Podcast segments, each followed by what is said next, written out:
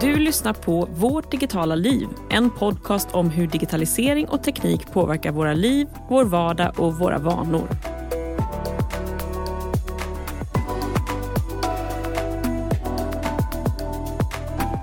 Precis som alla andra under den här pandemin så har jag tagit tillflykt till digital underhållning och kollat en hel del på serier. Ja, jag vet ju att det är många som har det, men jag tycker ju själv inte att jag har ökat intaget. Men jag kanske lever i förnekelse. Ja, jag tror du gör det faktiskt, Miriam. Eh, vi pratade om boomen för streamingtjänster i ett av våra första avsnitt. Om du söker på Är du en doomscroller så hittar du det på Spotify och Acast. Men nu är mitt problem då att efter två år av pandemin så har serierna tagit slut. Mm. Eh, så då har vi hemma börjat kolla om lite då gamla favoriter. Eh, och en av de här favoriterna är Seinfeld. Eh, såklart. Ja, såklart. Lite för att se också, för det var länge sedan jag kollade på den. Så här, är det fortfarande kul? Lite nostalgitripp. Och kanske också så här, den här verklighetsflykten, minnas lite en värld utan pandemi i mm. sig. Mm.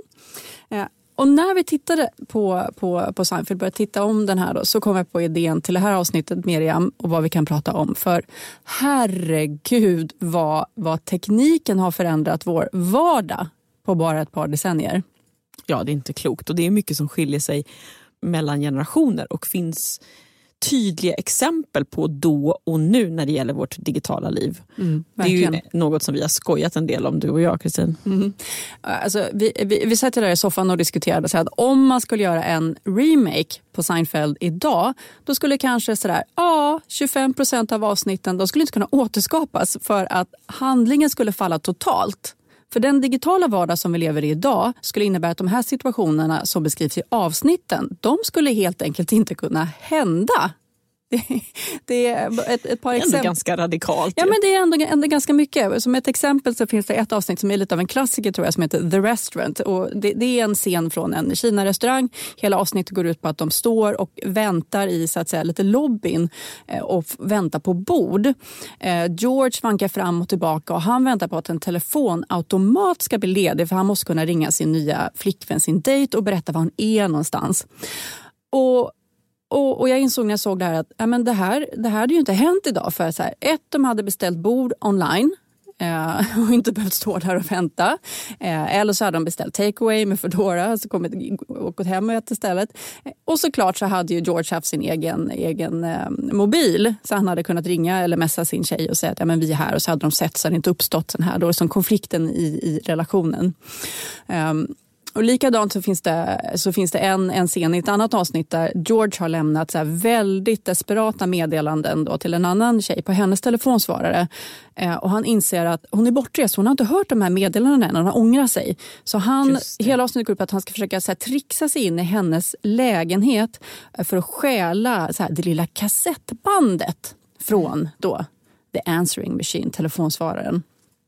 Och, och det, det, är så många liknande scener också i en annan så 90 00-talsklassiker Friends där liksom dramaturgin går ut på att det är missade meddelanden, trasiga telefonsvarare etc.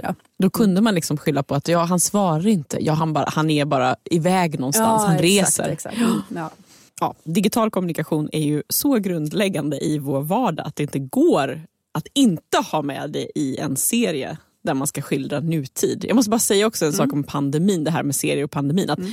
Det är många serier nu som har liksom en förtext. Vi, de här händelserna utspelar sig efter pandemin. Som om att man vill att det ska ja. vara lite romantiserat, ett liv efter pandemin och så refererar de tillbaka till det. Ja, jag förstår. Ja. Mm. Ja, men i alla fall, så, i nya serier så finns ju ofta till exempel sms visualiserat mm. i, på som integrerad i serien. Ja, man ser grafiken så ja. här, liksom, ett sms dyker upp. Vi har ju båda sett House of Cards. Mm. Ja, det var där först jag såg och ja. tänkte på det här. Liksom, att man liksom visualiserade liksom, ett sms, eh, så här, chatt, chatta, chattandet mellan presidenten och vad hette hon? Zoe, Zoe precis. Mm. Mm. Och sen mycket då i den här norska ungdomsserien Skam. Mm. Det var ju också några år sedan den kom och där tänkte jag på det väldigt mycket. Där var ju det en en avgörande del av dramaturgin helt enkelt. Ja, och det är faktiskt, jag, jag, jag pratade med en av, av producenterna för, för Skam och, Mm. och pratade om just det här och, och hon sa ju det att ja, men det hade ju som inte gått heller som att visualisera deras vardag och inte ha med den digitala kommunikationen. Det hade, då hade det ju som fallit för det är, som, det är ju en del av deras vardag. Men, eh, men vi, eh, du och jag Miriam, vi är ju en generation som liksom minns en tid före och efter.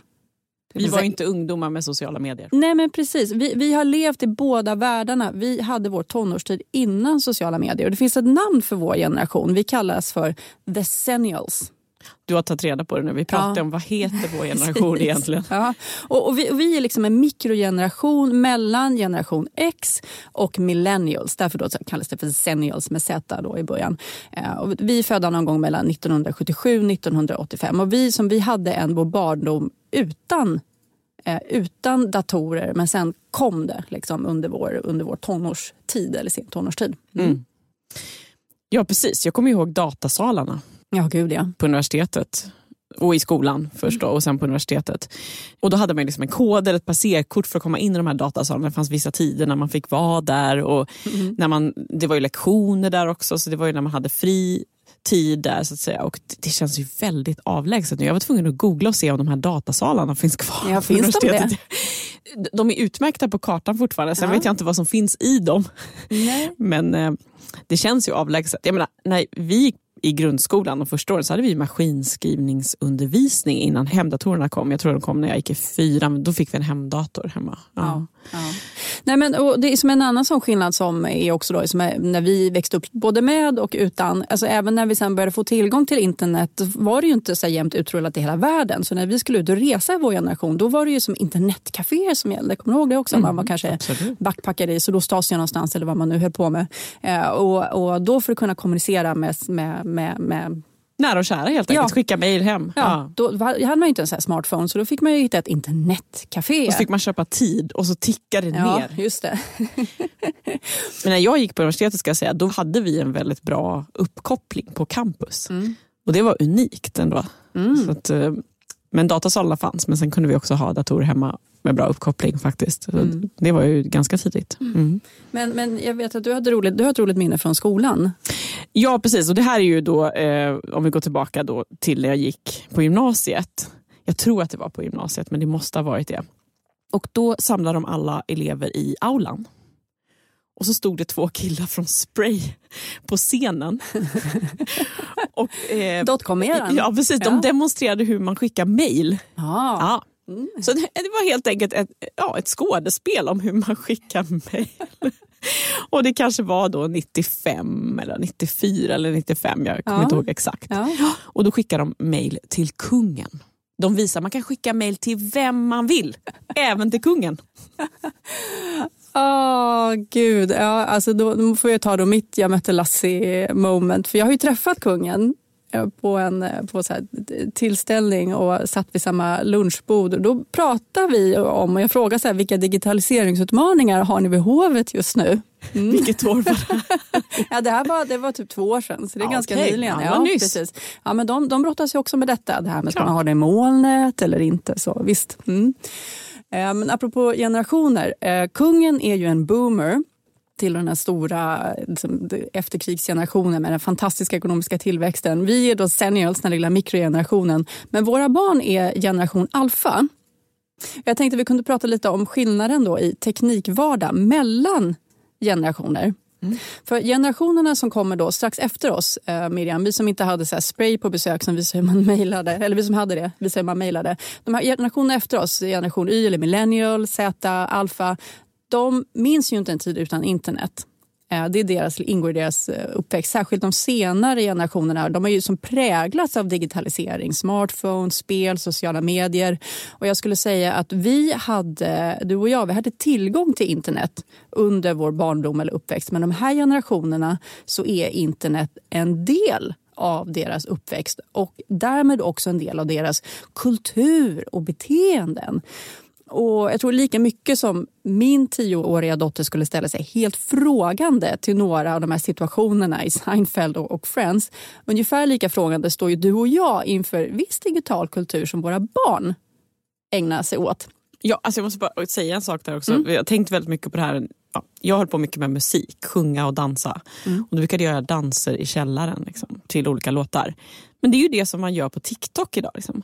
Du skapar danserna digitalt och, och skickar ut dem istället. Ja. Och det är en så tydlig, vi, har, vi, har, vi gör samma aktiviteter men vi är helt inkorporerade med det digitala när vi gör dem. Ja, precis. Det, det, finns liksom inte att du bara gör en dans eh, så att säga, hemma utan den ska hemma ut på, på, TikTok också. Precis. Ja, och jag tänker också på en annan så kultur, eller kan man säga, kulturyttring som är digital och det är emojis och här är det ju som ett minfält för vuxna människor när man ska kommunicera med den yngre generationen. För smileys och emojis de är ju hela budskap eh, i sig. Eh, och, det, och det är som en väldigt fin nyansskillnad ibland. Så här, vilken emoji man använder, hur glad den är, är det liksom hjärtan som ögon eller inte.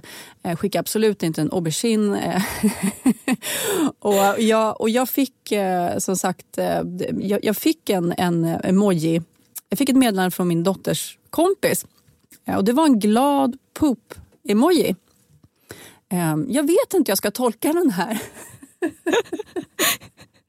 Och där kände jag att här, här är ett litet gap.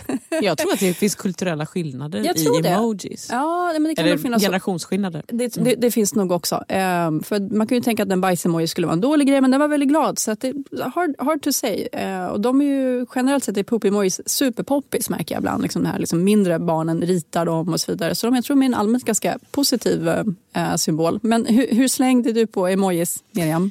Alltså, ja, som, jag tror att det finns vuxen-emojis och barn mm. ungdoms-emojis. För jag menar, vi använder ju mycket emojis i, till och med på Slack liksom, i jobbkommunikation. Ja. De, de har ju verkligen ett syfte där. Um, men det märks ju så otroligt tydligt vem som använder emojis och vem som inte gör det. När man, ja, mm. Jag tycker att det är olika med olika kompisar liksom, när man mässar. Ja. Man vet vilka man ska skicka en viss typ av emojis till och andra skickar man en annan typ. Eller, ja, och vissa skickar man inte någon alls. Nej, så att, just det. Ja, jag vill tro att jag, jag är okej i vuxenvärlden mm. men i de yngre generationerna så har jag faktiskt ingen aning. Liksom. Jag, jag, försöker, jag tycker det är så himla intressant med språk och det är så himla intressant med språket när vi har liksom, korta konversationer. Mm. De här korthuggna konversationerna man sätter ett ord och punkt. Mm. Som jag själv ser, ja, jag, jag har svårt för det. Jag tycker, att det, känns... Ja, det eh, känns väldigt korthugget men jag mm. förstår ju att det inte betyder någonting. Och jag har fått lära mig att det inte gör det. Så att mm. Jag ska inte ta det på fel sätt. Mm. Och Det här är ju skillnader som vi ser redan nu mellan oss och våra barn. Men det finns ju också skillnader i vanor mellan vår generation och våra föräldrar. Mm. Trots att vi då har tillgång till samma teknik. Ja, ja. alltså Miriam.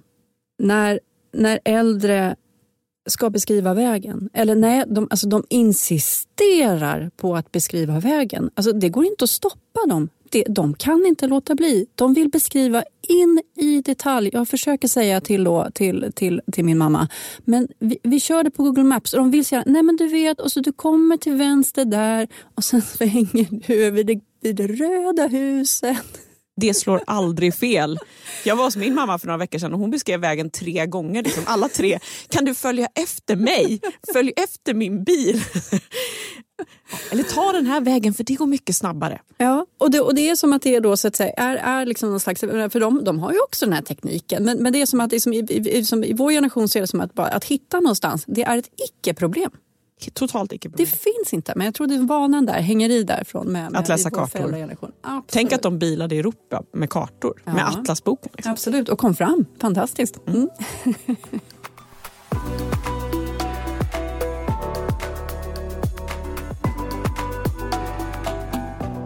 Okej, men om vi ser lite framåt då. Vilka brytpunkter är vi i nu där våra barn kan minnas en tid av både och?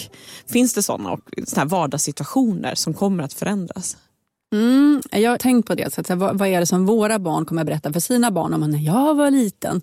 Eh, och, och, och, det första jag tänkt på när det gäller då, så här, digitalisering är ju pengar eh, och det kontantlösa samhället. För Eh, våra barn kommer ju minnas att man hanterade liksom en, en, mängd version av pengar. Både kontanter, mobila betalningar som Swish och kontokort. Och det här kommer ju våra barnbarn antagligen inte ha någon relation till. Ekonomin kommer vara helt digitaliserad. Ja, och kontokort kommer ju antagligen att försvinna. Och sen kommer det liksom komma nya valutor. Ja, mm. Det finns kryptovalutor och det, det, är ett annat sätt att se på värde. Jag, jag såg en diskussion på Facebook igår om hur man ska ge sina barn veckopeng. Just det. Och det är väldigt olika åsikter kring det. Det var liksom en, en lång kommentarstråd. Och många föräldrar ger sina barn eh, fysiska pengar mm. för att de ska förstå värdet av pengar. Men då menar andra på att det gör de inte ändå. Och så finns det olika appar. Mm. Exempel vi använder en, en app eh, för att ge vår äldsta dotter veckopeng. Men då fylls ju bara pengarna på där hela tiden. Mm. Och de finns ju egentligen inte på riktigt. Då var det någon som föreslog att man skulle ha ett konto med ett kort. För att då ja. kunde man swisha. Mm. Och swisha, det, det, har de ju liksom, det pratar vår sjuåring om. Liksom, så de, verkar, de plockar ju upp liksom olika begrepp. Ja, och jag tycker också det är intressant med, med värde och hur man ser på det. du pratar om det här med, med nya eh, valutor. Eh, då, nu pratar vi mycket om våra barn då, men min, min dotter som gärna vill liksom tjäna pengar nu, förutom veckopeng, vill hon göra saker för att, för, för att tjäna pengar. Mm. Eh, och och, och, och, för några veckor sedan så kom hon med en lista då hon hade gjort förslag på saker som hon kunde hjälpa till med hemma och vad hon ville ha betalt för de här olika uppgifterna. Perfekt. Perfekt ja. Eh, och det är bara att, att hon vill inte ha betalt i svenska kronor. Hon vill ha betalt i Robux. Aha.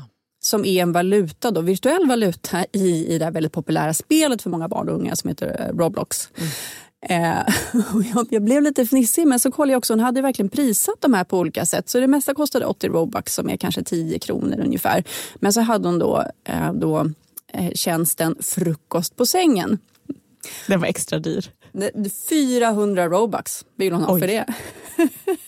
Men det var också, hon hade ju förstått det här med emotionell prissättning så att eh, jag, var, jag, var lite, jag var lite nöjd ändå. Men, men för henne är det, och vi hade en ganska lång diskussion och hon vill ofta ha betalt i Robux för hon vill köpa saker där och då köper hon olika skins och andra så digitala grejer. Och då känner jag också att här finns ett generationsglapp där jag tycker att det är liksom lite att slänga pengarna i sjön.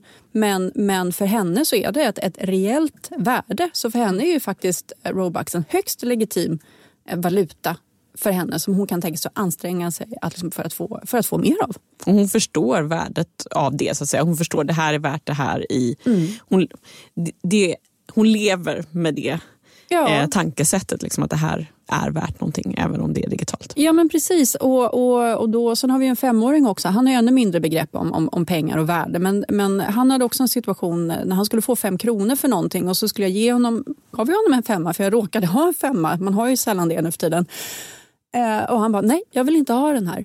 Va? Jag vill att du ska swisha mig, säger han. Mm. Fem år. Eh, och, och, det här är ett problem för han har ju absolut ingen tillgång till något swishkonto eller bankkonto överhuvudtaget. Det slutar med att, eh, så jag då tänkte ah, okej, okay, jag får låtsas swisha, tänkte jag. Eh, lite smart. Tog fram telefonen och låtsas blippade och sa, och sa nu har jag swishat dig. Och han bara, nej jag hörde inte ljudet. så, så, han ville höra det här ja. pling. Mm. Eh, och då fick, jag fick, fick swisha Thomas. Jag fick swisha min man fem ja. kronor som undrade varför han mitt på dagen fick en swish på fem, fem spänn. Eh, jag förklarade att, att hans son inte accepterade någon annan form av betalning eh, i, i det läget. Så Mm. Nej, men så det, jag tror det kommer vara en, en stor skillnad och det kommer vara lite exotiskt. Jag tror vi kommer liksom spara kanske eh, lite, lite pengar och mynt och, och, visa för våra barn ungefär som att man kanske har någon gammal, vad vet jag, så här, kaffekvarn hemma för att visa så här gick det till för barn när man skulle handla saker. Mm. Mm. Ja, och det tänker jag också på med digitala värden just liksom att det finns ju verkligen ett inarbetat beteende nu på att köpa saker i olika spel. Mm. Att man, ja, man ser värdet av det. Så att säga. Medan exempel kanske Senio ser mer värdet av att köpa olika tjänster, digitala tjänster som vi använder. Så. Mm. Och det är frågan hur de sakerna kommer gå ihop och hur de affärsmodellerna kommer utvecklas. Det tycker jag är väldigt spännande. Mm.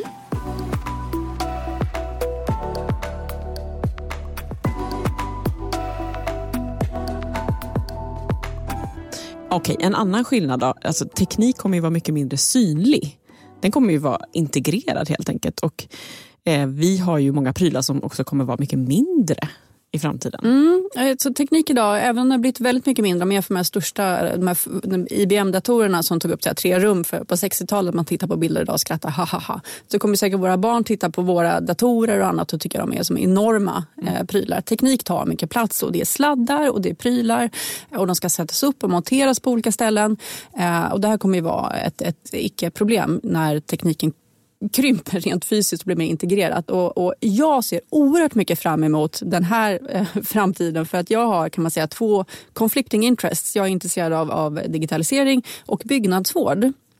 Eh, så, så, så när vi då på, på landet behöver sätta upp en router på en hundraårig Skånelänga eh, som är liksom stor som en frisbee, vit plastpryl, skitful, måste sättas upp liksom på fasaden för att få liksom då täckning mellan två hus. Då, det funkar ju inte, det blir en krock. Vi behöver den här tekniken, det ser asfult ut. Eh, det slutade med att vi målade in den här vita routern i eh, röd linoljefärg för att den skulle liksom lysa mindre vit mot, mot, mot den hundraåriga tegelfasaden. Mm. Det här är kanske en ny affärsidé som ni är på spåren? Jag är glad att du säger det. Jag kan ju testa det här mot våra, våra lyssnare som är också byggnadsvårdsintresserade. Men vi började prata om massa olika idéer. Bara, kan vi göra en router som ser ut som såna här gammaldags ventilrosetter i gjutjärn eller någonting mm. annat? som ser ut som en gammal sak så att de inte så skriker ut sin plastighet över allting. Eh, så vi fick, en, vi fick en liten idé där. Men som sagt, den här affärsidén kommer ju själv dö med tanke på att när tekniken blir mindre och bättre så kommer det vara liksom en liten frimärkt stor puck man behöver sätta någonstans för att få exakt samma eh, effekt och tillgänglig eh, teknik. Mm. mm. Ja, och har, det här är inte bäring på att tekniken ska vara mindre men i vårt område där vi bor så har de satt upp 5G-master nu. Och då har de satt upp det på gamla hus hus mm. som är flera hundra år gamla också. Och då har det ju rasats i den lokala Facebookgruppen såklart. Liksom att man ska ja. integrera den nya tekniken med ja, mm. de gamla husen helt enkelt. Och det finns ju olika oro kring detta men det, det ser ju inte snyggt ut tycker de då. Så det, ja, Nej, då precis. rasar eh, de lokala mm. boenden och tycker att vad är det som har satts upp på vårt vackra hus? Ja, ja. Estetisk eh, krock och krock mellan det estetiska och det funktionella, verkligen. Mm.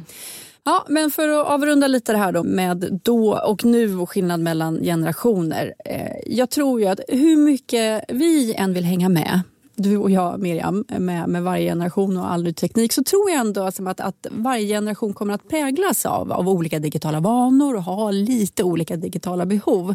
Eh, vi som seniors vi kommer kanske aldrig behärska varje nyans av emojis eh, och vi kanske också kommer vilja hålla fast i det här med online offline. Att vi ibland vill vara så här frånkopplade och inte ha kontakt med omvärlden digitalt för att vi minns en tid med både och, före och efter. Vi vill kanske kunna switcha emellan.